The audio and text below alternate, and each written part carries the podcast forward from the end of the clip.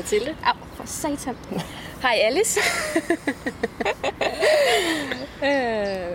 øh, velkommen til Catch Me If You Can, en podcast om drømme, kreativitet og passioneret arbejde. Catch me if you can. Og i dag, der har vi Lior med ind som gæst, som er vores første mandlige gæst. Uh. Øhm, det har vi lidt savnet i podcasten. Vi vil også gerne have nogle, nogle mænd ind og snakke lidt om kreativitet.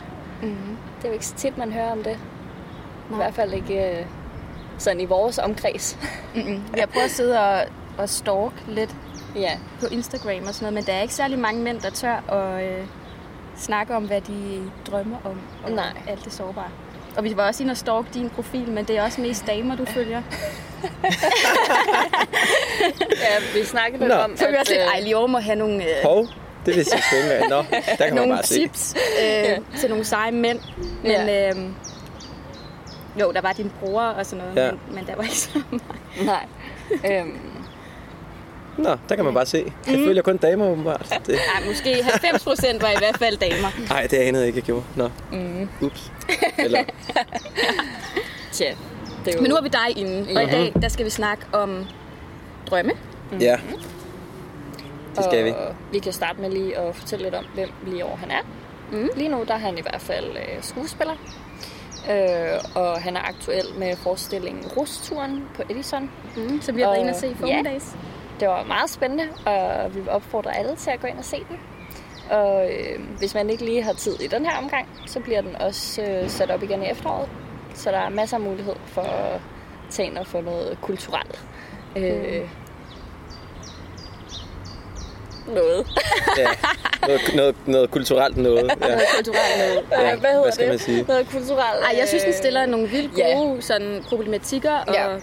sådan nogle gode debatter op. Mm, Både for sådan teenagers, men også for voksne. ja, helt klart. Jeg synes, det var meget at tænke over. Ja, og for, bare for kort for at opsummere, så hed, hed den rusturen, fordi det er seks unge mennesker, der læser statskundskab, som tager på rustur. Og der sker bare ting og sager, når man er seks forskellige unge mennesker, mm.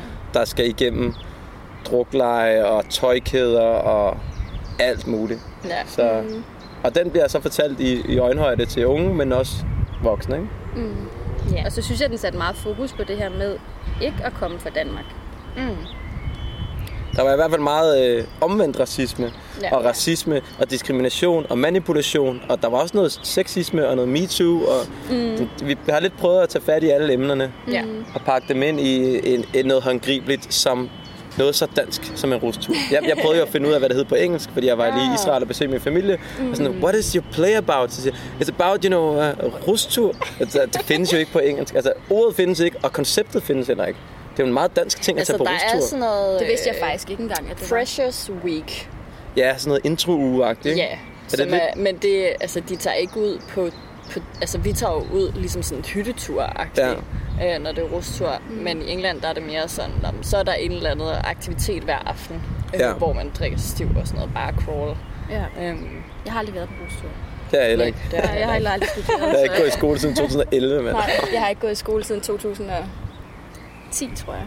Nej, der kan man bare se. Jeg Ja. går i skole. Nå, sådan.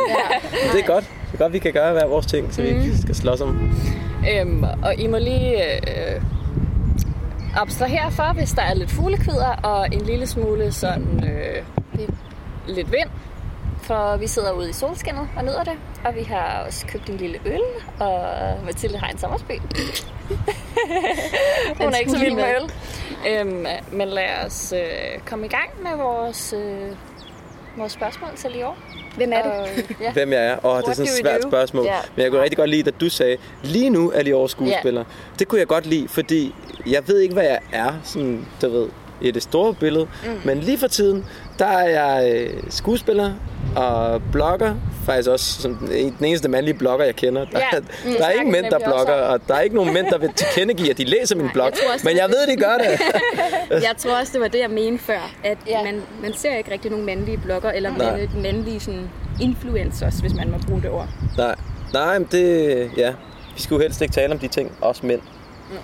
Øhm, Men så- kan du ikke prøve lige at tage os med lidt på din rejse? Ja. Altså, Jo, Sådan, jo jeg, gik, øh, jeg har tilbage. gået i folkeskole og på Østerbro, en jødisk folkeskole. Mm. Øhm, og så gik jeg på efterskole på Langeland, hvor det var teater, musik og kunst. Og jeg skulle, have, jeg skulle intet have at gøre med teater. Det var fucking kedeligt, mand. Jeg skulle bare spille musik.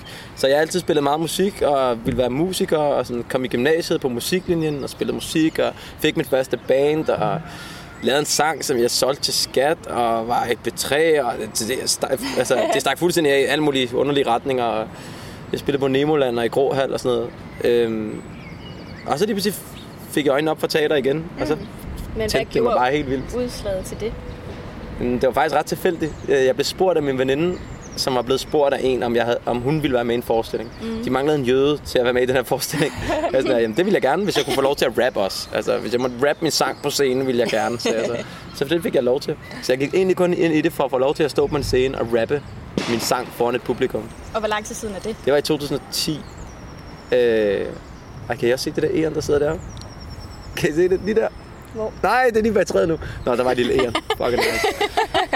øh, Nå. det er jo skadedyr i London. Er det ikke sådan noget med, jo, det er ligesom det er, rotter? Men der er sindssygt mange i London. Ja. Virkelig. Altså ja. i Danmark, der er det sådan, nå, et æren. Og i London, der er bare sådan, hallo, man, fuck af. Ah. Jeg husker, jeg samlede på døde æren, da jeg var lille. Kan du mærke det? Ej, Jeg det er er så lidt, kom jeg sådan hjem til min mor og se. ej, det er lidt. Jeg Tisser du så på den, for den ikke øh, får rådnet? Det har jeg hørt, man skal. Skal man det? Ja, man skal sådan, man skal sådan, så det ikke rådner. Skal man, nå, det er en anden historie.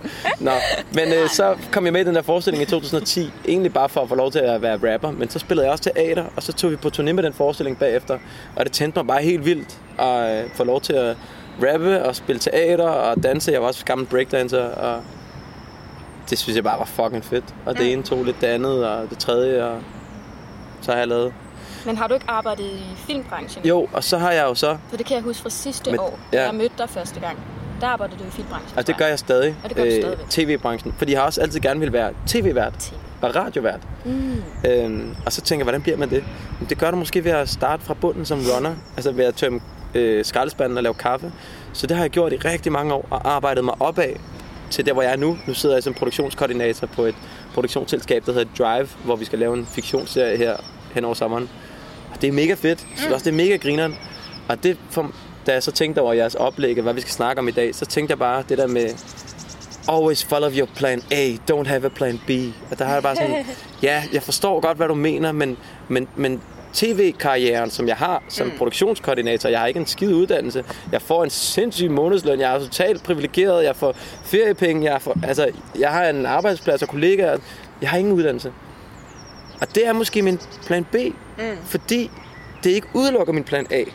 Altså, min plan B er jo ikke, øh, jeg tager en uddannelse, så jeg kan lave det her, hvis plan A ikke lykkes. Nej, nej, jeg laver det her, så jeg kan hjælpe plan A ja. På vej. Jeg laver fjernsyn, for jeg kan møde menneskerne, så de kan se, okay, han er fed, han er nice, måske vi skulle lave et program med ham. Jeg kan lære om hele maskinen, så når jeg er på et filmsæt på Gran Canaria, som jeg var sidste år, så forstår jeg runnerens struggle. Jeg ved, han bærer på en masse ting, og jeg som skuespiller fra Danmark skal ikke være for fin til at sige, jeg skal nok tage den der stol, mm. og har du brug for hjælp med din vand? Mm. Altså, jeg, jeg føler mig så heldig, at jeg har fået hele øh, uddannelsen med. Fra Ja. bunden. Jeg har selv været fucking bunden. Så sent som sidste år, altså jeg er 27 nu, og det er ikke fordi, jeg er særlig heldig og klog, og nu er jeg på toppen eller noget. Så sent som sidste år stod jeg bare på Danmark har talent og hældte kaffe op, og jeg var sådan, fuck nu af, man, jeg gider ikke mere. Men også på teateret, jeg ved ved vores forestillingsledere, der skal hver dag tømme de der øl, vi har en masse øl på scenen, tømme dem, vaske den, fylde vand i, putte kapsler på. Jeg kan møde altid ind lidt tidligere og hjælper hende med at putte kapslerne på, og jeg fejrer lige senere, hvis jeg har tid, fordi jeg ved, hvor, øh, hvor meget alle i møllen mm. øh, er, vigt, er lige vigtige. Mm. Og jeg som skuespiller er ikke en skid vigtigere end dig som forestillingsleder eller billetkontrollør. Mm.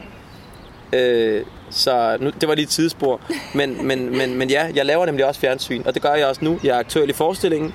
Jeg øh, startede i går på Drive, hvor jeg kommer til at være fuldtid de næste fem måneder.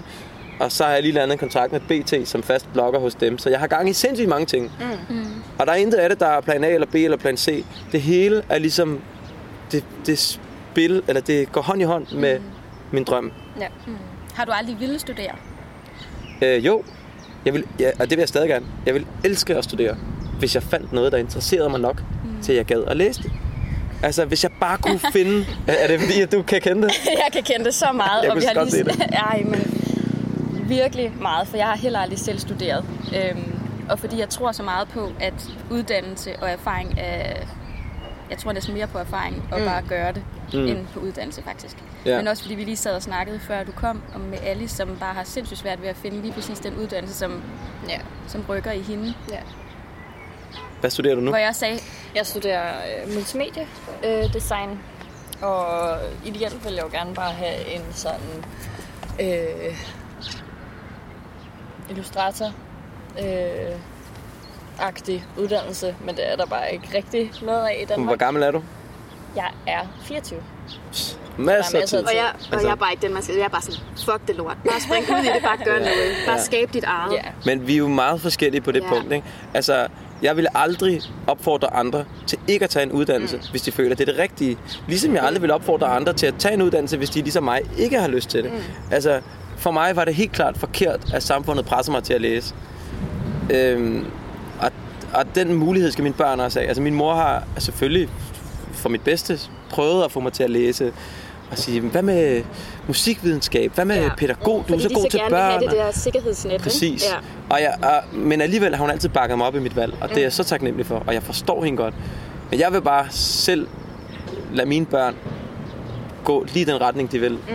Og det, og jeg vil heller ikke sige, at det er bedre ikke at have nogen uddannelse. Jeg ser mig, jeg har ikke nogen uddannelse, jeg klarer mig fint. Nej, nej. Det er bedre for mig. Mm. ja, det kommer også meget an på, hvilken person du er. Ja. Ja, ja. For du skal have virkelig et indre drive for at kunne Ja. gøre på den anden måde. Mm. Ja. Altså, Og, også, Og være drevet af nogle helt andre ting. Øh, og, og omvendt, altså i forhold til mig med illustration, nu er der ikke nogen bestemt uddannelse, men jeg kan tage nogle uddannelser, der understøtter det lidt og hjælper mig til at øh, sådan også finansielt at, at kunne leve af at være illustrator. Øhm, hvor at jeg lige pt. synes, det er lidt hårdt at læse noget, som ikke lige præcis er min plan A, Ja. men lidt er min plan B, eller Ja. sådan min Ja. lidt Øh, der er selvfølgelig også noget grafisk ind over multimedia øh, design, men meget af tiden er det også koder. Ja. Og så længe du kan finde en mening i det, i forhold til din plan A. Mm. Altså fordi, hold kæft, hvor har jeg båret meget kameraudstyr til en alt for lav løn. Hold kæft, hvor har jeg lavet meget kaffe og tømt mange skraldespande og løbet efter Blå Kings Peter Frodin og jeg ved ikke hvad. Men jeg kunne se en mening med det. Jeg elskede det. Jeg fik ikke en skid i løn. Jeg fik altid løn. Jeg har altid fået løn som runner. Der er mange, der tror, at tv-branchen er et sted, hvor man arbejder gratis. Jeg har altid fået løn. Den har bare ikke altid været så god. Så har vi aftalt 12 timer, og jeg har været der 18. Og jeg har stadig kun fået 1200 kroner eller sådan noget. Ikke? Men, men jeg har gjort det med et smil, fordi jeg vidste, at det var... Jeg gjorde det, at jeg var på vej den rigtige vej. Ikke? Ja. Det var en investering. Tit arbejdede jeg frivilligt for dårligere løn, fordi det var en ny produktionsleder, jeg gerne ville bevise mit værd overfor. Mm. Så jeg knoklede røven ud af bukserne, jeg var fucking glad, og jeg fortalte jokes, og jeg sang sange, som jeg plejer at gøre, når jeg er på arbejde. og øh, det payede off, fordi den produktionsleder dengang, mm. er den, der ansatte mig i går til en månedsløn, der er højere end folk, der er uddannet sygeplejersker. Altså, mm. Og jeg er bare... Jeg har ikke gået i skole siden 2011. Altså. Men hvad har så gjort, ligesom, at det begyndte at kulminere for dig? Altså, hvornår begyndte det at udvikle sig, og hvorfor, og hvordan? Og er det, fordi du gik og sang og sådan, gjorde dig bemærket, eller... Øh, altså i tv-branchen? Mm. Det, det tror jeg, fordi jeg øh, har været målrettet i, hvad jeg ville. Altså hvis du ved, hvad du vil, mm. så skal du nok også, og, og, og du arbejder til den retning, så skal du nok også nå derhen en dag. Hvor det er rigtig svært, hvis ikke du ved, hvad du vil, at, Ja. at nå i mål med det. Mm. Og jeg, jeg ved godt, hvad jeg vil i tv-branchen. Jeg har ikke altid vidst, hvad jeg ville med mit liv ved siden af. Det har jeg så fundet ud af nu med min blog og sådan noget, men det er lidt det andet. Men, men i tv-branchen har jeg altid vidst, jeg vil bare have det fedt, og jeg vil bare lære folk at kende, og jeg vil blive god til det, og jeg vil arbejde mig opad mod toppen. Øhm, og, og det drive har jeg bare haft hele vejen igennem. Og det har, så da jeg så en dag blev tilbudt, vil du være runner på Danmark har talent for tredje gang, så sagde jeg helt ærligt, jeg har lavet det to gange før, jeg ved, hvad jeg laver, må jeg ikke godt have lov til at være produktionsassistent? Mm. Ja. Øh, det er lidt mere ansvar. Du ved, jeg kan tage det. Vi har arbejdet sammen to år før. Jeg vil gerne have lidt mere i løn, og jeg skal nok gøre sådan. Ved du hvad? Det synes jeg faktisk lyder fornuftigt. Og så fik jeg den chance. Og siden den dag var jeg produktionsassistent. Og så, altså på den måde. Mm. Så øh, det har været, at jeg har vidst, hvad jeg ville. Og jeg har bevist det, mm. når jeg har haft chancen for det. Jeg har bare altid haft så svært ved den der. Det tror jeg, fordi at jeg har altid faldet for uddannelse, kreativ uddannelse, som man selv skulle betale. Og så har jeg haft sindssygt svært ved den branche, hvor man skulle arbejde gratis. Mm. Og vise sit værd, før at du var god nok. Mm. Ja. Det er jeg ikke så god til. Nej.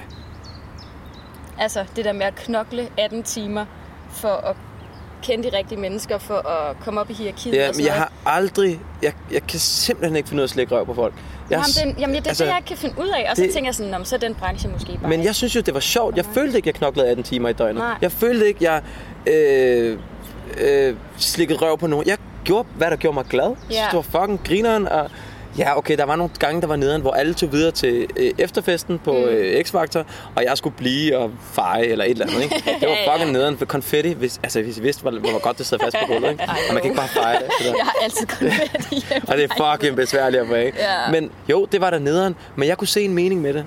Mm. Og jeg har aldrig slikket røv på nogen, mm. fordi jeg ikke kan få mig selv til det. Mm. Jeg gider ikke. Hvis ikke du kan lide mig for den, jeg er, og det, jeg gør, så, så, skal vi, så gider jeg ikke arbejde for dig. Mm. Jeg kunne aldrig få mig selv til at sige, lad mig høre om dit barn og din weekend. Jeg er fucking ligeglad med dit barn og din weekend. Helt ærligt. Mm. Altså, jeg har nogle kollegaer, som er sådan, ej, fortæl mig, hvordan det går. Så, helt, altså, du interesserer mig ikke på den måde som menneske. Jeg vil gerne, selvfølgelig hvis du fortæller om dit weekend, vil jeg gerne høre om det og sådan noget. Men Ja. jeg, jeg, er ikke, jeg vil ikke spørge ind til din bilferie på Gran Canaria, altså med din svigermor, bare fordi du skal kunne lide mig, så du kan give mig mere løn, eller så du ansætter mig igen. Nej, du skal ansætte mig for det, jeg bidrager med. Ja. Men måske altså, det er også det, altså jeg endte nok bare aldrig rigtig på den rette hylde i den Mm. del, jeg var i på det Ja. tidspunkt. Fordi der var det godt nok ikke særlig sjovt. Nej. Nej. Og, Og så var- det heller ikke det rigtige. Nej, nej, præcis. Og det er nemlig det, som jeg godt kunne lide, du sagde, det der med, at du gjorde bare, hvad der gjorde dig glad. Ja. Mm. Det gjorde sgu ikke mig glad, det der. Nej, jamen så er det også forkert. Ikke? Ja, men til gengæld så arbejdede jeg mig også op på samme måde faktisk. Inden nu har jeg arbejdet for Monkey i seks år, og der startede jeg også ligesom fra bunden uden uddannelse og arbejdede mig op fra butik til op på hovedkontoret i en eller anden Mm. mellemlederstilling. Ikke?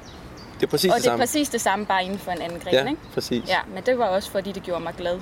Ja. Og det var sgu heller ikke det mest lønnede job i starten mm. overhovedet. Nej, men du så Men en det mening med det. Lige præcis.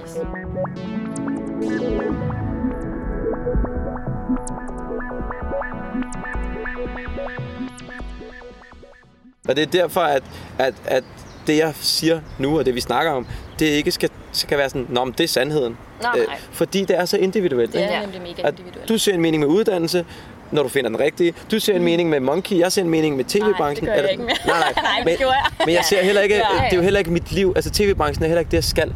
Altså, det er ikke det, der gør mig 100% glad. Det er jo et eller andet sted også en plan B. Har du fundet, hvad der gør dig 100% glad? Det har jeg jo så, fordi, øh, apropos for at lige spore os ind på emnet om drømme, gør jeg altså sådan. hvad jeg drømmer om, om man, jamen, der er så mange ting i det, jeg har lavet et oplæg til. Jeg synes, det er så spændende, og kan man drømme forkert og sådan noget. Jeg vil hellere stille et spørgsmål, så svarer jeg. Ellers, Det bliver en ret lang podcast, det her, bare lige så I får. Ej, men vi kan lige starte med at, øh, at snakke lidt om... Altså, mit indtryk af dig første gang, du er meget sådan... Øh, du virker meget selvsikker, meget på. Øh, har du altid været sådan modig, og hvad er det egentlig, der gør, at du, du ligesom har det drive? Jeg har altid skrevet sange til alle pigerne i klassen. Øh, og jeg siger dig, at de blev så imponeret. Altså alle pigerne i min folkeskole, de har fået hver sin sang. Og da der ikke var flere piger, så fik drengene en. Og øh, jeg kan huske, i 7. klasse, vi havde en vikar. vi havde en vikar, som, øh, som underviste os i tumlesalen, som lærte os at rappe. Øh, og så, så øh, var der sådan, fuck, rapmusik, fuck hvor fedt. Det var sådan en 7. klasse, noget, han hed Jonas. Jeg glemmer det aldrig. Og jeg kan stadig huske den rap, han lærte mig dengang, og jeg synes, det var så fedt at rappe. Og så øh, kort tid efter havde vi en anden vikar, som hed Ari, som lærte os at breakdance. Og det var jeg fucking god til. Altså, jeg var god til at rappe, og jeg var god til at breakdance. Mm. Så det blev noget, jeg synes var fedt, fordi jeg var god til det. Ja. Og det var sejt, og det var moderne i 90'erne. Og, og det var bare sådan... Jeg synes bare, det var fucking fedt til forældremødet af mig og Jakob. Vi gik op og lavede vores sang, som hed Vi er de sejste her, som var en rap, vi havde lavet.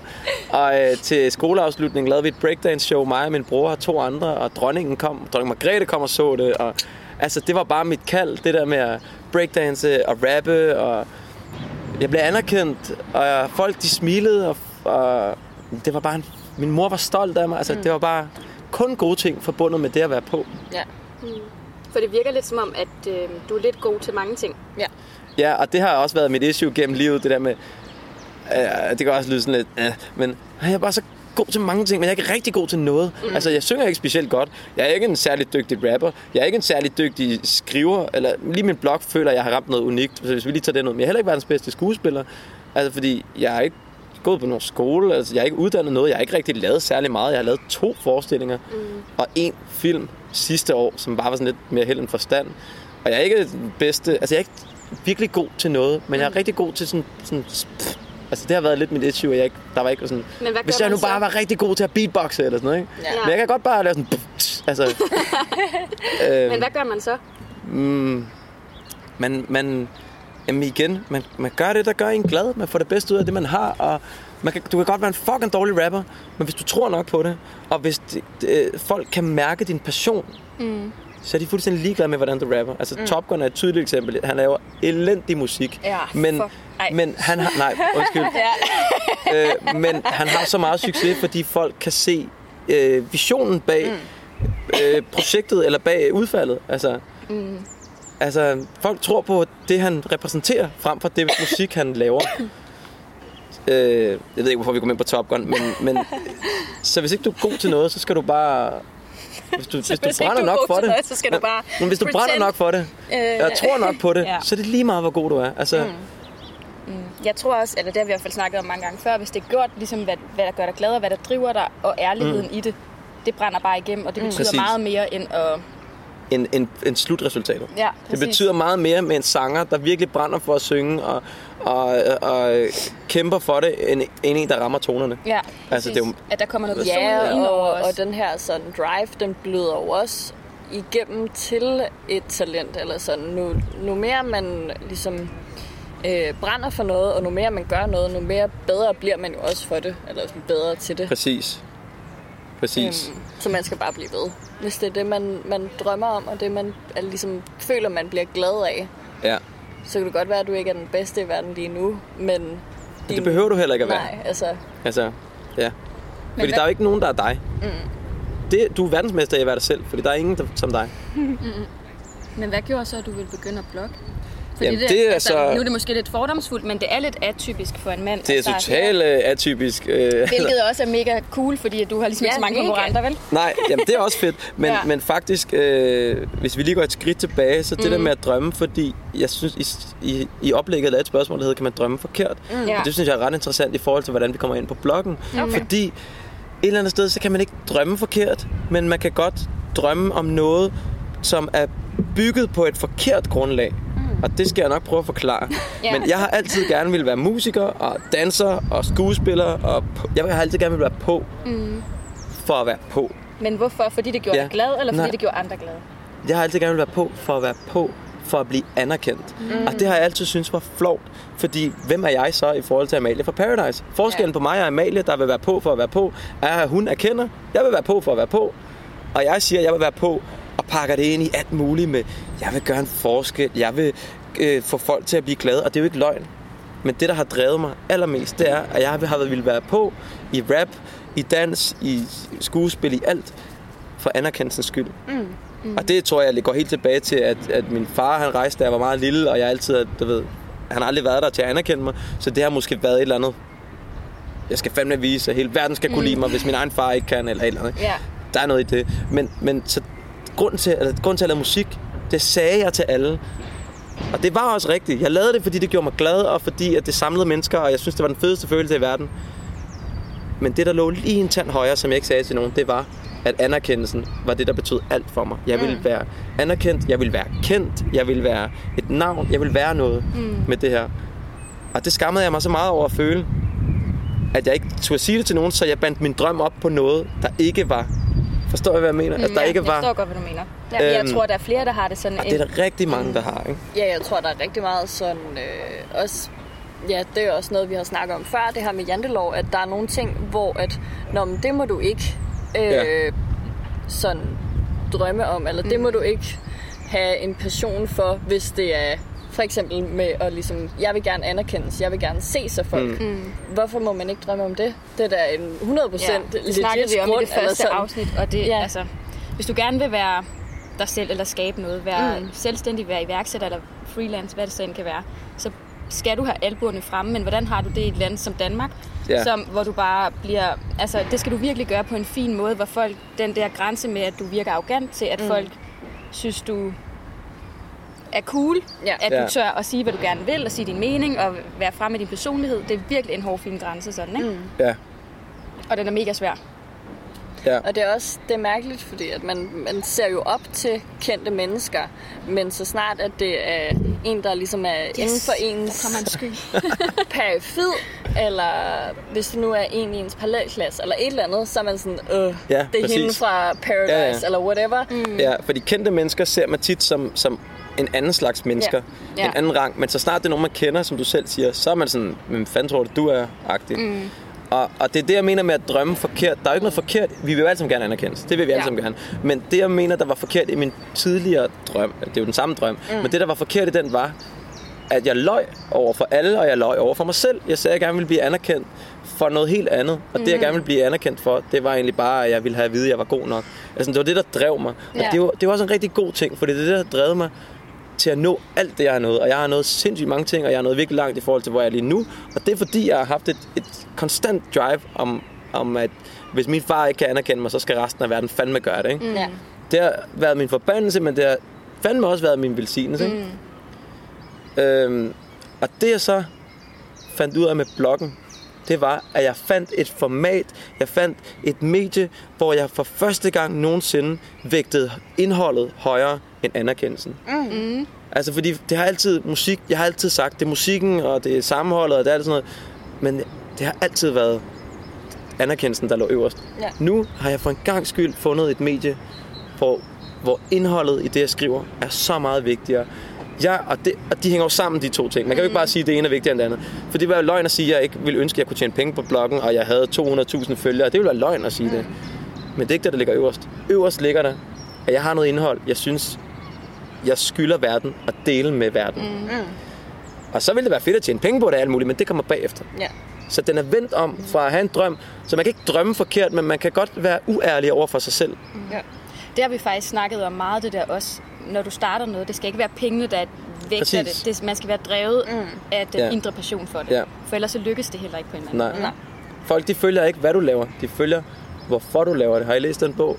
Den bedste bog, jeg nogensinde har læst. Den hedder Start with Why. Den hedder Start med hvorfor. Mm. Og den handler om, at folk de følger ikke, hvad du laver. De følger, hvorfor du laver det. De følger mennesker, der inspirerer dem, frem for mennesker, der bare, du ved, her, jeg har lavet en sang. Ja, men Ja. altså, vi, vi kan godt lide mennesker. Jeg kan rigtig godt lide at følge dig, fordi du inspirerer mig. Mm. Altså, men nu taler jeg til Mathilde, bare fordi det kan de jo ikke se, hvor jeg kigger hen. Men, og jeg kender ikke dig, Alice, så, men helt sikkert det samme. Men du inspirerer mig med din, med dine farver og din energi og din, dit mod til at skille dig ud og til at gå din egen vej og til at... Nej, altså, du minder mig, og det er et kæmpe kompliment, du minder mig rigtig meget om min egen mor, fordi... Ja, og det sagde du første gang, jeg mødte dig, og der kan jeg bare huske, at jeg tænkte, hmm, det vælger jeg at tage som kompliment. Det er, det er verdens største kompliment. Ja. Verdens største kompliment. Øhm, men jeg følger jo ikke dig, fordi at, at, at du har farver på. Jeg følger dig, fordi du repræsenterer noget, som, mm. som, som, jeg kan, som giver mening i mit hjerte, i mit Ja. hoved, i min Mm. mave. Men det er også det, vi, ja, vi har lige siddet og snakket lidt før vi lige overkom. Øhm, men det er også det, der er sindssygt svært, fordi at, mm, jeg ved ikke lige, hvad det er, men man, altså, jeg er ligesom landet af en eller anden underlig grund i Danmark, ikke? Hvor, hvor det er, der sker, altså jeg passer bare på en eller anden måde ikke rigtig ind, og min målgruppe er ikke særlig stor. Mm. Det kan godt være, at der er en hel masse, der synes, jeg er inspirerende, og de synes, det er fedt, at jeg skiller mig ud og alle de her ting, men ja, det er mere med at dreje sådan, Nå, hvad kan jeg bruge det til? Og det var netop mm. det, jeg gjorde, da det var, at jeg valgte at sige op i Monkey og gå min egen vej, fordi jeg tænkte, jeg må kunne bruge det her, bruge mine farver, bruge min et eller andet til ja. at skabe noget, der giver mening for folk, noget, ja. jeg også kan leve af på en eller anden måde. Ikke? Øhm, men det er sindssygt svært i, i et land som Danmark Mm. Ja, at være sådan en fagladet. Ja. det er svært at være til i Danmark, igen Ja, det der med ja. janteloven. Fandme svært at ville noget med sit liv, fordi Ja. lige så snart du får en lille smule succes, så skal du fandme ikke tro, du er nogen. Ikke? Nej, nej, men det er det. Nej, altså, vi- og også bare ikke, engang så meget det, at andre folk de rækker ned på en, men at man rækker ned på sig selv, Ja, eller man sådan klart. føler, okay, jeg må ikke føle, at jeg er god nok, eller jeg må ikke, Ja, jeg må ikke øh, sige, at jeg er sej, eller jeg kan det her. Præcis. Altså, når man skal starte som selvstændig, så skal man virkelig øve sig hver dag i at være sådan, jeg er god nok, jeg kan godt, jeg skal pitche Ja. det her, kom nu. Jamen virkelig, altså det, ja, det er ret... Fordi det bare er, er indbygget i, hvordan vi tænker, at ej, man må ikke være... Ej, man altså, ikke tro, hvad at kan du er egentlig noget. sådan? Det kan du egentlig Ja. noget? Skal du være popstjerne, eller hvad? Ja. Ja. Sådan, der er jo ikke... Det jeg godt kunne lide, du også skrev Det var, nej, det var på Instagram, tror jeg faktisk. Men du skrev det her med, der er så mange, der drømmer om at være fodboldspiller eller sanger Mm. eller et eller andet. Men det er jo kun en ud af... Ja. Det var et eller andet tal, jeg bare fyrede Ja, ja, det ved jeg godt, men, men ja, det er men bare for pointen i det, ikke? Ja. Altså, hvorfor tror du, er det anerkendelsen i det der med, at der er egentlig rigtig mange, der søger den der anerkendelse, men der er jo ikke særlig mange, der brænder igennem med det? Mm. Nej. Altså, det jeg skrev til dig på Instagram, var, at øh, når vi er små, er der rigtig mange, der drømmer om at blive fodboldspillere, øh, popstjerner øh, og skuespillere, Ja, eller mm, et eller andet. ja. Og hvor mange af dem ender egentlig med at blive det, i forhold til hvor mange af dem, der vælger at stå af, øh, når de går ud af gymnasiet og siger, mm. nu læser jeg jura Ja, eller ja, medicin. der går helt safe, så. Og, og faktisk går igennem, jeg siger ikke, de ikke er glade, for det er jeg 100% sikker på, at de er. Men ret mange møder jeg, øh, ærger sig over, at de aldrig får fuld drøm om at blive skuespiller. Mm. Eller får fuld drøm om at blive fodboldspiller. Og fair nok, du ikke blev det, eller, eller, men, men du kan det mindste gøre et forsøg på at blive det. Altså, Jamen, det var det, jeg mente. Så hvad tror du, der jagt gør, at... drømmen, indtil det går galt, og så, så ved jeg, finde noget andet. Men ja. Ja. at du aldrig prøvet, ikke? Ja. For jeg tænker, når man skal brænde igennem med noget, når man skal gøre noget, du skal med med fejle mange gange. Ja. For, altså, og ikke give op. Eller sådan, du bliver nødt til at rejse dig igen og sige, okay, men så må det være den her vej, i stedet for lige den her vej, som jeg troede. Ja. Men hvorfor er, hvorfor er der ikke flere, der tør at kæmpe for noget? Jamen, altså, og kæft, hvor har jeg fejlet mange gange, mand. Og kæft, hvor har jeg lavet mange bomber Ja, der det gennem min... fandme også. Ja, er du sindssyg.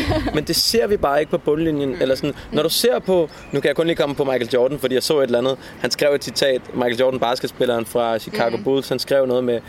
Jeg har misset altså et eller andet vanvittigt tal af bolde, Ja. Før jeg scorede på den og den bold, og jeg blev det, jeg var i dag. Ikke? Mm. Vi ser jo ikke alle de bolde, han rammer forbi. Nej. Når vi ser en basketkamp, så ser vi, at han rammer målet gang på gang på gang på gang mm. på gang. Men det vi ikke ved, det er, at han rammer forbi fucking 5 milliarder gange med den der bold. Ja. Og det er derfor, jeg tror, det det vi bliver præsenteret for, og i dag med sociale medier er det jo endnu værre, vi bliver kun præsenteret for succeshistorierne. Mm. Og det er derfor, jeg har rigtig meget Ej, respekt kan du ikke for... fortælle om et eller andet, hvor du bare har fejlet helt vildt? Øh, Altså, som bare er gået helt galt. Åh, mand, det har jeg jo lykkeligt fortrængt, jo. Nej, det er sådan noget, vi bliver nødt til at høre jo, fordi Ja. at, så det ikke bare lyder som om, det kører bare for lige over, og nu øh, bum, bum, bum. Vi bliver nødt til at høre om nogle af de gange, hvor det også er gået galt for dig. Åh, oh, men det, er bare gået galt rigtig mange gange. Men, øh, Øh. Så bare nogle små eksempler, nogle, hvor du tænkte, okay, nu, nu gør jeg det her, det bliver bare en kæmpe succes, og så...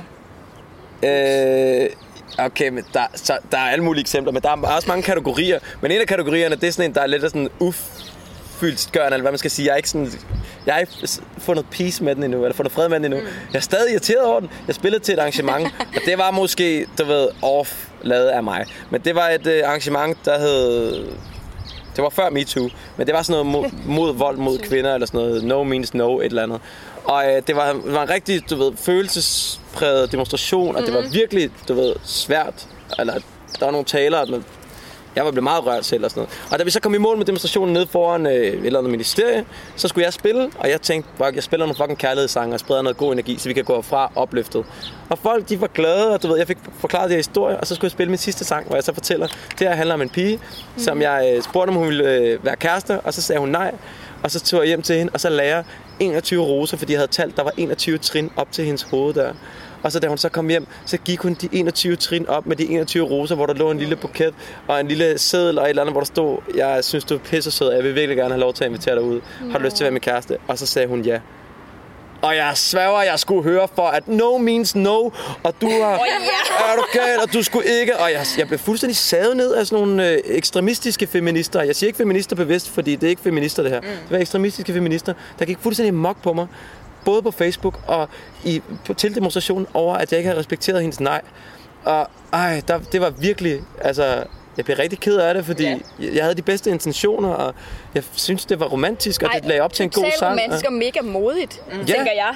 Det er der fandme ikke særlig Og meget. det kan jeg bare huske, det var en af mine sådan, sådan ret voldsomme bummer der, fordi jeg skulle høre for det længe efter på feministiske fora, og, og de samlede, sammenlignede med, øh, Lucas Graham havde lavet Strip No More, og hvor han beder kvinder om at tage tøjet af, og du er ligesom ham, og sådan, jeg var sådan, hvad, hjælp, hvad har jeg gjort? Eller sådan. Åh ja. Den, øh, den synes jeg var ret slem, men de værste er de værste. Dem kan, dem kan jeg sgu ikke huske. Altså, jeg tror, jeg har fortrængt den lykkeligt. Også noget karriere noget, Ja, men hvor du ligesom har tænkt, jeg skal den her vej, men... Men jeg har da også... Jeg har da også... Øh, ej, jeg, det er svært. Jeg har forberedt mig på alt muligt, men når, hvis jeg skal... Altså, hvis jeg, skulle have, hvis jeg skulle komme op med en rigtig god historie nu om noget, hvor jeg gjorde noget virkelig dumt, så skulle jeg faktisk have tid til at tænke over det. For Eller det er ikke noget mit, dumt, men nej, men noget sådan, sådan, hvor du tænkte, okay, det, positive sind vælger aktivt at, at skubbe det til side, eller, mm. eller arbejde med det og sige, hvad kan jeg lære af det her, hvordan kan jeg bruge det til at... Men det er jo også drive. bare et, et bevis på, altså, at det kræver en vis person at gå i for eksempel tv-branchen, eller i, mm. vil være skuespiller, fordi at der oftest er en del øh, nederslag, så man skal ligesom fokusere på det positive, og Ja. ja. ikke fokusere så meget på det Ja. negative, når man gerne vil noget, der er så sådan øh, Ja. ja. ambitiøst, og der er så mange, altså så få, der kommer igennem. Det skal Øhm, man. Ja, hvor at for eksempel det her, vi snakkede om lidt tidligere, med at der er mange, der drømmer om at blive fodboldspiller eller skuespiller, eller altså kendt på den måde. Mm. Øh, og dem, der ikke kommer igennem, det er måske bare dem, der synes, det er for hårdt at prøve at rejse sig op. Ja. Men er det Ja. ikke også det, man siger, det kræver lige så meget psykisk, Ja. som det kræver talent? ja. Jo, jo, det er nærmest nogle gange mere mm. øh, psyke end talent, ikke? Mm. Eller sådan, ja, drive. Hvis du vil det nok, så er det sgu lige meget, om, hvor dygtig du er. Altså, Ja. Og det kan man jo ikke altid sige. Det hele er jo ikke så sort-hvidt. Selvfølgelig skal du kunne noget. Ja, ja. Altså folk gider ikke kigge på en t-shirt, du har lavet, som er hvid. Altså, der må gerne være noget på. Ja, ja. ja, men jeg forstår din pointe. Mm. Men tilbage til bloggen. Ja. Hvordan kom du på den idé, at nu skal jeg lige over her? Jamen, det var fordi, jeg kiggede tilbage på mit liv. For sidste år var jeg faktisk rigtig i tvivl om, hvad jeg ville med mit liv. Og faktisk, apropos, at det går godt, det går godt. Sidste år havde jeg en rigtig nedtur, fordi jeg var sådan lidt, hvad fanden er det, jeg vil? Jeg vil bare gerne elskes. Jeg vil bare gerne anerkendes. Jeg vil bare gerne have at vide, at jeg er god nok. Men hvad gør mig egentlig glad? Mm. For jeg vidste ikke, hvad der gjorde mig glad. Jeg vidste ikke, det der, hvad er det, jeg brænder for? Mm. Hvad skal jeg med mit liv? Det vidste mm. jeg ikke. Jeg vidste bare, hvad jeg gerne ville modtage i den anden ende. Ja. Og så kiggede jeg tilbage og ringede til en masse venner og sådan, hvad, hvad, du læser økonomi, hvor jeg, jeg vil ønske, jeg kunne ligesom dig. Altså, du tænder så meget på dine bøger, og, og du... Åh, altså, den der, så ja, mange altså, er. jeg ville så gerne kunne tænde så meget på noget, som du tænder på din passion, og du tænder på din. Og, Ja. og jeg havde bare ikke noget, og jeg var 26 sidste år, og jeg havde ikke noget. Så, og så kiggede jeg bare tilbage på alt det, jeg har lavet altid, og prøvede ligesom at finde ud af, hvad har samlingspunktet været for det, hvis man fjernede anerkendelsen. Og jeg begyndte på sådan noget soul searching, er et, et meget fint ord, men, mm. men jeg begyndte bare at stille spørgsmålstegn ved mig selv og mit liv, og hvad jeg vil være, hvad jeg skal, og hvem jeg er, hvis ikke jeg er, du ved, øh, anerkendt og sådan. Og så fandt jeg bare frem til, at, at, at jeg føler, og det lyder meget sådan højrøret, eller jeg ved ikke, hvad man skal kalde det, men jeg føler, at jeg skylder verden at gøre mit, for at den bliver bedre. Jeg føler, at jeg har et ansvar for at gøre verden til et bedre sted. Og jeg føler specielt gennem mit, mit talent for at kunne møde mennesker i øjenhøjde, og mit talent for at entertaine, og mit talent for at snakke, som jeg gør nu, mm. og for at skrive, og for at se s- s- ting fra begge sider, der føler jeg, at jeg skylder verden at bruge det Ej, det er så sjovt, du i en eller anden Ja, indpakning. du siger det bare højt, det er bare sådan, som, eller jeg tror, det er sådan, jeg selv har haft det. Yes! Yay! Nej, men det her med, at jeg var sådan lidt, okay, al den respons, jeg har fået på, hvordan jeg går klædt, hvad jeg kan, alt det her energi, halløjsa, at det har været sådan, ej, du gør mig så glad, og det, altså, så sent som, faktisk inden du kom, der blev vi stoppet mm. af en dame her i parken, der var sådan ej, må vi ikke tage nogle billeder af jer, og hvad laver I I? så flotte. Og øh, bla bla bla, og uddele visitkort, og lige inden du kom, da jeg sad og ventede, der kom en, en lille pige hen og sagde, ej, du har pink hår. Så sagde jeg, ja, det har jeg. Så ej, hvor er det flot. Og du ved, sådan det der med, at folk de på en eller anden måde bare godt tør at sige det. Ja. Øh, fordi ofte, når man ser noget, der ser anderledes ud, så tør man ikke rigtig at Ja. nærme sig det. Ja. Øh, hvor jeg tænkte sådan, jeg må kunne bruge det her til noget, og jeg føler lidt, at når jeg tiltrækker de mennesker eller et eller andet, det må jeg kunne bruge til noget. Jeg skylder mm. lidt at bruge det til noget. Præcis. Men det lyder nemlig hurtigt sådan lidt, Jeg vil redde verden. Sådan, Ja. ja. fuck tror du, det er? Altså, ja, nej, altså, Ja. jeg vil bare... Jeg vil bare gerne gøre det, der gør mig glad, og hvis det kan gøre Præcis. andre glade, så er Præcis. det bare mega Ja. stort. Ugens tema.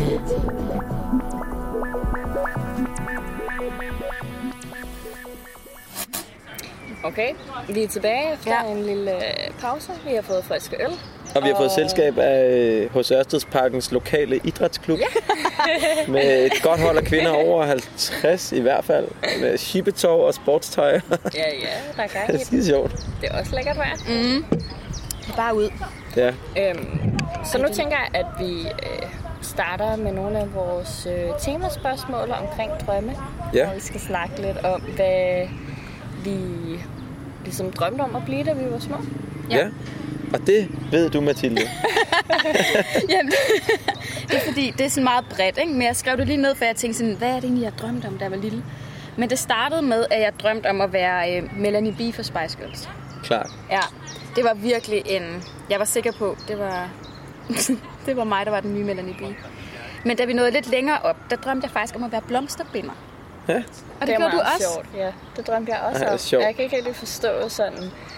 Jeg har aldrig kendt nogen, der var, var i blomsterbranchen, hvis man kan sige det sådan. Jeg ved ikke, hvorfor det lige var Nej. appelleret til... Jeg tror, jeg sad altid og lavede kranse ud af Ja. mælkebøtter og de der øh, kløver, markblomster og sådan Mm. noget. Jeg synes bare, det var vildt, og blomster har bare altid gjort mig mega glad. Ja, og så er det jo også sådan lidt, en, øh, noget af det sådan lidt kreativt øh, Ah arbejde. selvfølgelig. Og det leder jo selv til vores fremtidige drømme, vores nutidige drømme. Ja. og så drømte jeg faktisk også på et tidspunkt om at være øh, skuespiller. Ja, Men det var mest, da det var, at øh, kærlighed ved første hik kom frem. klart. Fordi, uff, ha, ikke? Der ville jeg virkelig gerne være Anja, kan jeg huske. Ja, selvfølgelig. Mm. Men da jeg så nåede lidt længere op, så faktisk i flere år, før jeg sådan egentlig nåede ind i Monkey, altså, så ville jeg faktisk helt vildt gerne være seksolog. Og det, har jeg, det ville jeg faktisk, det var faktisk et mål for mig, sådan op gennem hele gymnasiet og sådan noget. Mm. Men øh, så fandt jeg også ud af det der med uddannelse, og det krævede mm. og det kunne jeg slet ikke overskue. Nej. Det vil tænkte du ellers være god til at være, tænker jeg. Tror du det? Jeg tror, det være en rigtig god seksolog. Hvorfor det? Det ved jeg ikke. Det, det er bare... Man skal være sådan lidt funky for at være seksolog, Ja, og det, du er sådan indbegrebet af funky, Nå, super. synes jeg. Yes. Ja, funky seksolog. Ja, lidt, øh, men det vil jeg faktisk. Jeg synes, det har altid været sådan meget... Ved ikke, det har altid interesseret mig meget, det emne og sådan noget, men øh, det kom jeg så lidt fra. Og så endte det med, at jeg gerne ville være stylist, og det blev jeg. Arbejdede med det. Tjek. Tjek. Ja, så nåede jeg da nogle af de drømme, ikke? Ja. Øhm, og så fandt jeg ud af, at ah, den branche var måske ikke helt for mig. Jeg ville gerne gradbøje den lidt og give, lave noget med det, som måske gav lidt mere mening. Og så var det, at jeg kom ind som merchandiser og arbejdede med op i Monkey og har været der i seks år. Så sådan lidt bredt måske. Mm. Hvad med dig, Alice? Jeg har jo, som sagt også drømt om at være blomsterbinder. øh, Udover det har jeg... Altså størstedelen af mit liv har været meget koncentreret om det her at tegne og ville lave noget kreativt og ville lave, altså, jeg ville bare gerne tegne. øhm, Du sagde også det med katten. ja, det er rigtigt. og det er jo også, det, det er også en nutidig drøm. Jeg vil rigtig gerne have et lille kattehjem, Alice Kattehjem. i stedet for engelsk kattehjem. Ja. Øhm, min mormor, hun, øh, som bor i England, havde, da jeg var mindre, der havde hun sådan et kattehjem, et katteinternat, hvor at man kunne få passet sin kat, mens man var på ferie, og arbejdede også sammen med, hvad må være Englands sådan, øh, version af Ingers kattehjem, dyrets værn-agtig. Øh, og var ude og redde killinger, så jeg har altid haft øh, et meget stort kattehjerte. Øhm, så min ideelle drøm nu og var mindre er at tegne og øh, være omkring en masse katte. Hvad hvis de er nederen, de der katte? Altså, hvis du har et kattehjem, og jeg beder dig om at passe min kat, og den bare fucking nederen. Altså ikke, altså ikke nederen? Eller hvis du får hjemløse katte, eller er det ikke på Ingers kattehjem, de tager katte ind fra Jo. gaden og sådan noget. Folk, der ikke kan passe den. Tænk, hvis de er nederen. Så hænger du på en lortekat. ja, men altså så, så... Hvis en kat er lort, så er det jo fordi, den har været ude for noget lort. Det er jo ligesom med mennesker. Ej, du har sådan et godt hjerte, kan jeg mærke. Det, Ja, meget. så skal den have kærlighed Ja. og omsorg.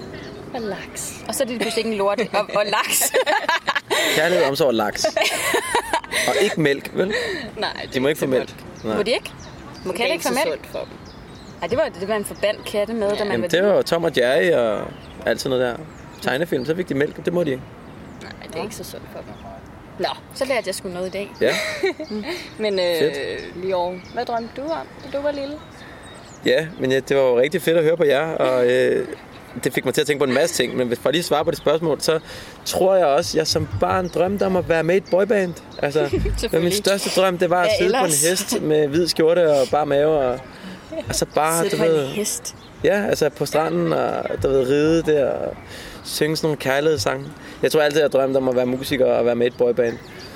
Øhm, og det fik mig til at tænke på, at, at du sagde, at, at nu var du så endt med at nå en af dine drømme. Mm. Hvor at jeg føler, at jeg når min drøm, altså drømmen, mm. den har bare ændret sig. Mm. Jeg har altid drømt om at være musiker, og jeg havde rigtig svært ved at lægge det fra mig, at jeg ikke skulle lave musik, fordi jeg følte, at jeg i andres øjne ville være en, en fiasko. Mm. Nå, han blev ikke musiker.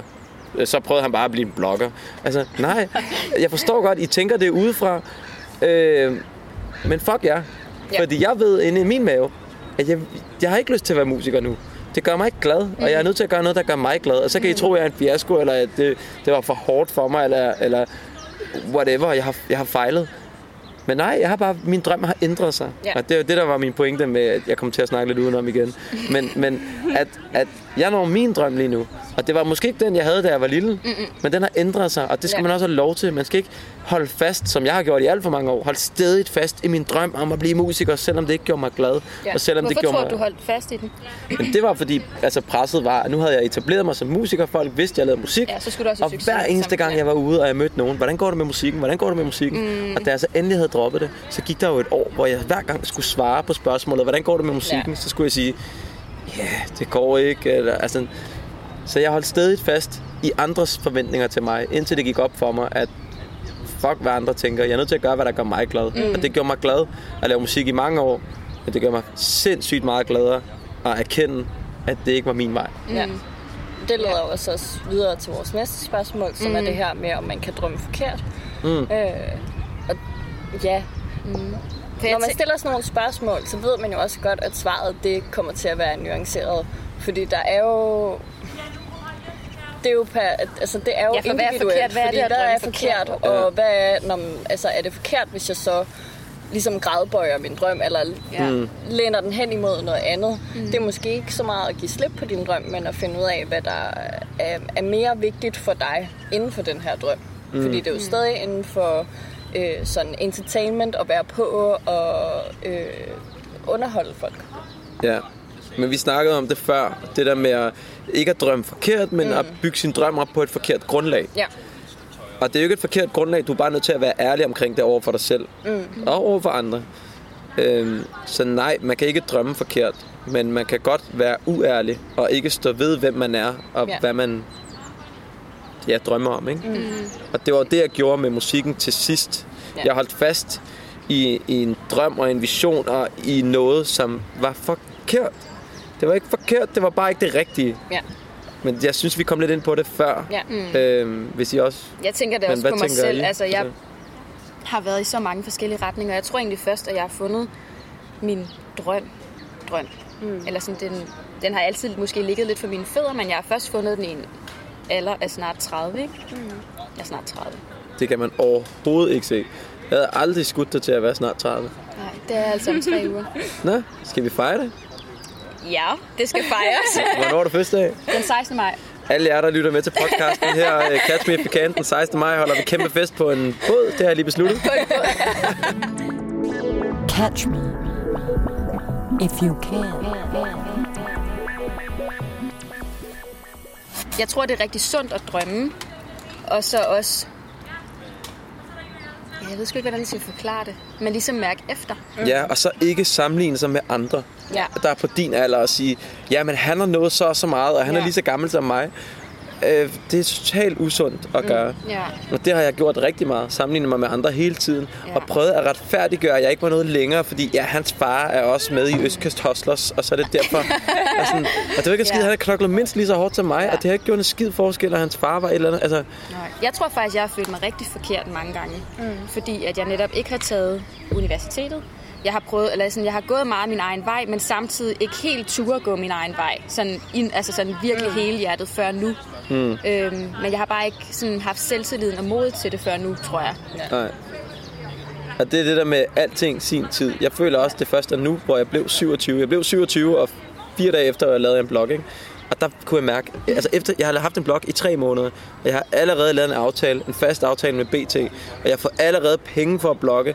Jeg kommer allerede ud til 100-200.000 læsere, altså ikke nu, først i morgen, når mit endelig kommer ud, men jeg har ikke engang haft den i tre måneder, og jeg har lavet musik i, jeg ved ikke hvor mange år. Det var bare ikke det rigtige for mig. Mm. Og nu fandt jeg det, fordi jeg kom til den erkendelse. Jeg er ligeglad med, hvad andre tænker. Jeg, jeg sammenligner mig ikke med andre. Jeg behøver ikke at gøre nogen tilfredse. Jeg, altså ligesom dig, man når en alder, hvor man tænker, fuck det hele, mand. Det, altså, Ja, hvad er det værste, der kan ske? hvad er det værste, der kan ske? Vi kan også kun anbefale i års blok. Øhm, jeg Hvordan siger man egentlig dit efternavn? Så kan. Jamen, det, det, det er totalt irrelevant for bloggen. Nå, det hedder, nå nej, den hedder Den hedder, den hedder Det er ja. Jeg tænkte Ja. på, den hed, det var din mail. Der. Ja, men mit efternavn, bare lige for at få det med, det er Ja. Feugel, Lior, Feugel. Feugel. Nå, det er ikke så svært at sige. Nej, men der er nogen, der kalder mig Fogel, og det må man ikke, fordi det er ham der McLovin fra øh, den der, har I set den der film? Nej, okay, jeg kan ikke huske, hvad den film hedder.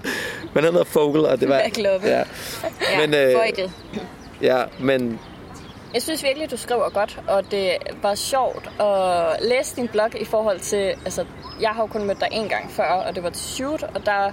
Ja, mit indtryk af dig var ligesom, at du var meget frembrusende og meget sådan... Måske en lille smule sådan... Øh, det, Ja. det, det. Ja. bare vær ærlig, fordi jeg hører det tit. Altså, øh, og det er meget modsat, hvordan jeg er jo sådan Ja. meget introvert og meget sådan, uh, lille stille musepige. Øhm, så det var sjovt at læse din blog og ligesom komme ind i dit hoved og se nogle af de tanker, du har der, fordi der er nogle, det, du skriver virkelig godt, og det er nogle Tusind tak. nice emner, du tager op.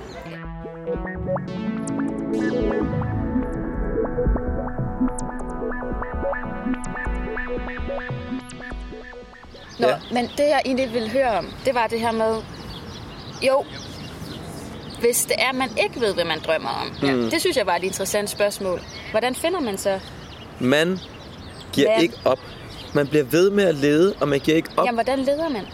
Man prøver ting af. Man går i teateret, man går i biografen, man mødes med folk, man ikke ses med normalt. Man tager til Jylland for sjov, man rejser, man øh, det starter Jylland for sjov, Ja, men altså, jeg, jeg tog en gang til Aarhus, bare en dag, bare for grinerens skyld. Altså, Det er og det var nice. fucking griner. Altså, en virkelig nice by, og sådan, man kommer i ny omgangskreds, man møder nye mennesker, man tager til salsa om onsdagen på kaffekilden, som er gratis, og altså, man, øh, man, man, tager, man tager ud, man lader sig inspirere, og det er derfor, jeg hader det der med, at sabbatår skal kortes ned, og vi skal ikke have plads til, at man skal mm. ud og udfordre. Jo, sabbatår, det er det vigtigste. Mm. Det er der, hvor du kommer ud og møder ting, du ikke har set i din hverdag. Mm. Og det kan godt være, ja, så havde du sabbatår, da du var 18 år fra, fra gymnasiet. Efter 3. G havde du et år sabbatår, og du har stadig ikke fundet, hvad du vil. Nej, men altså, jeg er 27, og det er først nu, jeg faktisk har fundet noget, der virkelig tænder mig. Mm. Og jeg siger ikke, bloggen, det er mit kald i livet, og det er det, jeg skal, fordi det, det er ikke nok. Altså, jeg vil gerne være på også, stadigvæk. Mm. Men jeg vil bare ikke være på, bare for at være på. Jeg vil gerne være på med at repræsentere noget. Mm, ja. Altså, så folk siger, jo, han er på, men han har en grund til at være på. Mm. Det er fordi, han repræsenterer whatever. Øh, insisterende drive, eller kærlighed, eller whatever. Eller så ikke give op. Mm. Bliv ved med at lede. Altså, jeg leder stadig, og sidste år var jeg totalt nede i kuldekælderen, fordi jeg ikke havde fundet det. Altså, jeg havde prøvet så mange ting, mm. og jeg havde ikke fundet det. Men det, jeg jeg hører dig sige, det er altså. ligesom, at du bliver nødt til at grave i dig selv og gøre noget selv. Ligesom, mm. gør noget, du ikke plejer. Gør, altså, Ja, Man skal ligesom finde den der. Man kan ikke bare sidde sådan derhjemme og tænke, nå, det kommer nok. Ja. Mm. Du bliver nødt til at gøre noget. Eller bare sidde og kigge på andre og sige, hm, måske kan jeg bare gøre som ham. Ja, men prøv det. Altså, mm. ikke bare sige, at det, kunne det godt være, jeg skulle. Og så gå ind og kigge på opskriften til at blive en perfekt blogger. Okay, opskriften er, lav en blog, det kan jeg godt. Skriv om kaffe latte, det, det kan de jo. Alle de succes, mest succesfulde blogger skriver om kaffe latte og croissanter. Det kan du også gøre. øh, så skal du skrive om, øh, du ved, brunchsteder og alt det der. Altså, følge opskriften. Det dur ikke, fordi vi er nødt til at have dig med i det. Du skal skrive din blog, hvis det nu er en blog, man tager udgangspunkt i. Jeg tror også, at det er vigtigt at snakke lidt om, at man måske ikke behøver at finde sin drøm i sine 20'ere, eller sine 30'ere, eller sine 40'ere. 100%. Altså, ens øh, mening med livet, eller ens vision, eller ens øh, livsværk behøver ikke at være noget, man ligesom finder så tidligt. Altså, der er jo mange store kunstnere, der først er begyndt at male, eller whatever, når de er over 50. Altså, Men der tror og jeg det bare, tager også... Og det er fordi, man hviler mere i sig selv på en eller anden Ja. måde, ikke? Øh, og også, at det tager 10 år at blive ekspert i noget. Så du kan sagtens have flere drømme i dit liv. Du kan sagtens have flere visioner og livsværker. Ja. At du kan sagtens have en drøm i 20'erne om, at du gerne vil lave noget bestemt, og faktisk færdiggøre med mm. øh, citationstegn den her drøm og sige, okay, tjek, det har jeg gjort. Og så gør noget helt anderledes mm. i dine 30'ere, eller noget helt anderledes i dine 40'ere. Mm. Og du må aldrig lade andres forventninger diktere, hvilken retning du mm. går. Altså sige, nu forventer de, at jeg fortsætter med det her, ellers Ja. er, jeg, er, er, en, er der en fiasko, ikke? Mm. Fuck de andre. Altså, gør, hvad der gør dig glad. Og hvis ikke du ved, hvad der gør dig glad endnu, så lad være med at give op, man. Bliv ved med at lede, og bliv ved, som du selv siger, i 20'erne, 30'erne, 40'erne, 50'erne, bliv ved med at lede, indtil du finder det, for du skal nok finde det. Ja. Og jeg troede ikke, jeg fandt det sidste år som 26 år, ikke? Og jeg, altså, jeg var helt nede over, at jeg ikke vidste, hvad jeg ville og hvad jeg kunne. Mm. Og så kom der noget, så, det var så fjernt fra mig at blogge. Fordi jeg havde at skrive, mand. Jeg havde dansk. Jeg Jo, havde men hvordan, litteratur. altså, så, hvad var det, der gjorde? Har vi Ja. snakket om det? Ja, hvad, altså, men- hvordan du havde at skrive. Ja. Du kunne ikke se dig selv have en blog, men hvad gjorde så, at du Fanden, tænkte, øh, nu starter åh, nu jeg? ved jeg det godt. Ej, det er totalt pinligt. Nu kommer jeg i tanke om det. Nej. Ved I det? Er det derfor, I spørger mig? Nej, vi ved okay. det ikke. Det er derfor, vi spørger. Okay. Jeg så Sex in the City. jeg har aldrig set det før. Men i december måned, jeg kom hjem fra Gran Canaria, og så var der Sex in the City Marathon. Og så Carrie, hedder hun det? Ja. Hun har en blog, Yndlings, ja. hvor hun skriver om uh, single life i New York. Og, sådan. og så var jeg sådan, wow, jeg vil også blogge. Uh, det Ja. måske har det ligget og ulmet inden eller et eller andet, men det var det, der triggede mig. Og mit første indlæg hedder, hvorfor en blog? Og så skriver jeg faktisk i det indlæg, at jeg så Sex in the City, og øh, fortæller, at det totalt inspirerede mig og tændte mig helt vildt. Og sådan. Så øh, det, der triggede den, det der lige var sådan Det der... var Sex and the City. det var, det var kraftet med Carrie i Sex Ja. in the City, og jeg har aldrig Ja. set det før. God stil. Men det er en fucking god serie. Men Det var fucking god serie, og, ja. og jeg kan mærke, det, det tænder mig bare helt vildt. Som 27-årig kom det endelig, og som 26-årig var jeg helt i kulkælderen over ikke at vide, hvad jeg skulle med mit liv. Ja. Så det kan godt komme sådan rimelig hurtigt. Og der rakte jeg ud, eller der rakte jeg ud til, til venner, som, som havde Altså, det snakker vi også om kort før. Det der med at række ud til nogen, der har fundet det. Sige, mm. hvad har du gjort, og hvad skal jeg gøre? Altså, Ja. ikke være bange for at spørge mennesker, Ja. der har fundet det, eller der faker, at de har fundet det, eller der ligner, at de har fundet det, eller hvad det Ja. Altså, og det, ja, det gjorde jeg, og det hjalp mig også på vejen. Men det var Sex and the City. Det var, jeg så en serie, jeg aldrig havde set før. Det var, jeg gik en anden vej, end den vej, jeg altid har gået. Mm. Og lige pludselig var sådan der, hov, Ja, så ens drøm kan også komme som en overraskelse, eller ens passion mm. kan også komme som en overraskelse. præcis. Fuldstændig. Og det gør den oftest. Altså, det Ja. var tilfældigt, vi hørte Backstreet Boys lige pludselig på Uptown Radio, som den hed dengang, ikke? Uptown. Jeg kan huske den kanal. Nej. Nå. Men, men ja, bliv ved med at lede, og nogle gange lede de mest utraditionelle steder. Ja. Altså, du vil have et kattehjem. Altså, det er da også totalt altså, øh, det er jo lidt, nu har vi fortalt den, men det ved jeg ikke, om du ved. Men altså, den her drøm for mig, den udspillede sig jo i Alice. Jeg har aldrig kendt Alice før. Vi har kun kendt hinanden et år. Nu her til mig. Tillykke. Hey, tillykke. Er det 16. maj? Eller 12. Nej. maj? Der var du første af? Nej, Jeg kan ikke huske det. Jeg var på Veras loppemarked, hvor Alice kom Så har det jo været en søndag. Ja, så, men det er lige her omkring, tror jeg. Det er faktisk... Ej, det skal vi fejre. Ej, vi skal have en lille fest. Ja, vi skal. Vi kombinerer din fødselsdag og jeres etårsdag. Ja, det synes jeg. Men jeg har aldrig kendt Alice før. Øhm, og det var sådan, hun kom forbi, købte noget med tøj. Der er mange, der har hørt den her historie før. Men, altså, hvor hun så øh, taggede mig på Instagram i en illustration, hun havde lavet af mig. Og jeg elskede hendes tegnestil, og jeg var sådan lidt, du skal lave mit logo til min blog, fordi jeg vil gerne forny den og sådan noget. Og det ville hun helt vildt gerne. Og hun var et sted, jeg lige har været. Vi har begge to været nede med stress for arbejde, bla bla bla. Øhm, og så elskede jeg det bare. Og så en eller anden dag, så vågnede jeg op og sagde, eller ej, inden jeg skulle sove, så var jeg slet, lidt, vi bliver nødt til at bruge hende, det, hun kan med at tegne mine idéer så udførligt, som jeg bare har i hovedet, og komme ned til virkeligheden på et eller andet. Og det var sådan, mit lille brand, det startede. Mm.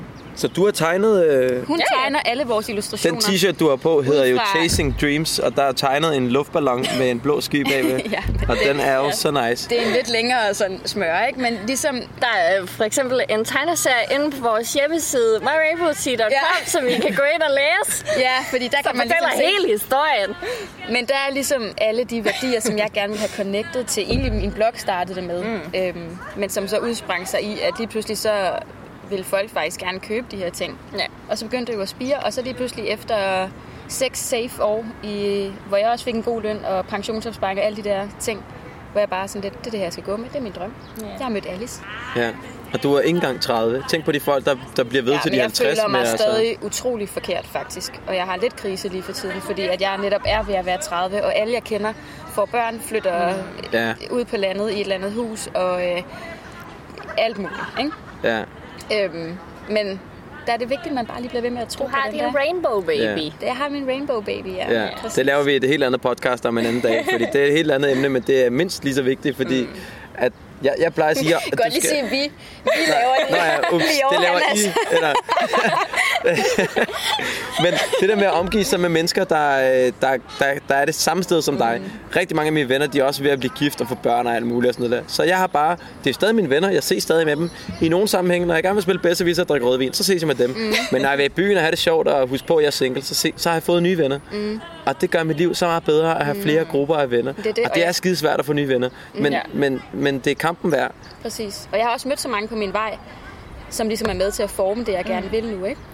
Men det er bare svært, fordi du ligesom stikker ud for mængden, og Ja. ja. at den her, hvor jeg godt kan sidde og tænke, fanden fik jeg ikke den her drøm for to år siden, ikke? Ja. Det gør jeg bare ikke, fordi der var det tiden bare ikke rigtigt. Og jeg er meget sådan en, der tror på, at det sker. Det skrev jeg også Det til sker, dig. når det sker. Det sker, når det sker, ikke? Tiden skal være rigtig. 100 procent. Ej, det er, en godt af, det er en god afslutning, synes jeg. Ja. Tiden skal være rigtig. Ja. Har du en, øh, en- afsluttende kommentar? Jeg skal også tisse igen nu. Jeg skal også virkelig tisse. Vi har også bare siddet der og pimpet øl i solen, og nogen har drukket sommerspil. Så. Okay, men før at uh, Mathilde og Lior, de tager ud og tisser, så skal vi lige... Uh... Nej, du skal også tisse, Alice. Skal du ikke? Ja, det skal Jo, jo, det skal ikke. Vi skal alle sammen tisse, faktisk. Øhm, så skal vi lige plukke lidt. Lior, Ja. hvor kan man finde dig? Øh, man kan finde mig på øh, Facebook, hvis man kan stave mit navn, Lior Feugel, øh, som vi var inde på. Yes. Øh, og så kan man finde mig på Instagram, hvor jeg hedder Lior underscore life. Øh, Lior, det er L-I-O-R. Og så har jeg selvfølgelig min blog, liorlife i et.dk. Og Øhm, skuespil. og skuespil, nå ja. Øh, så spiller jeg rusturen på Edison Teateret lige nu. Øh, vi spiller indtil åh, den 24. april, og så spiller vi igen i september. Og det kan man finde på min blog, og på min Instagram, og på min Facebook. Og... Vi kan kun muligt. anbefale det. Rigtig godt skuespil. Ja, hvis I kommer, så bare lige ring, så laver jeg ding-ding i billetkontrollen. Nej. Men det kunne være fedt. Mathilde? Ja.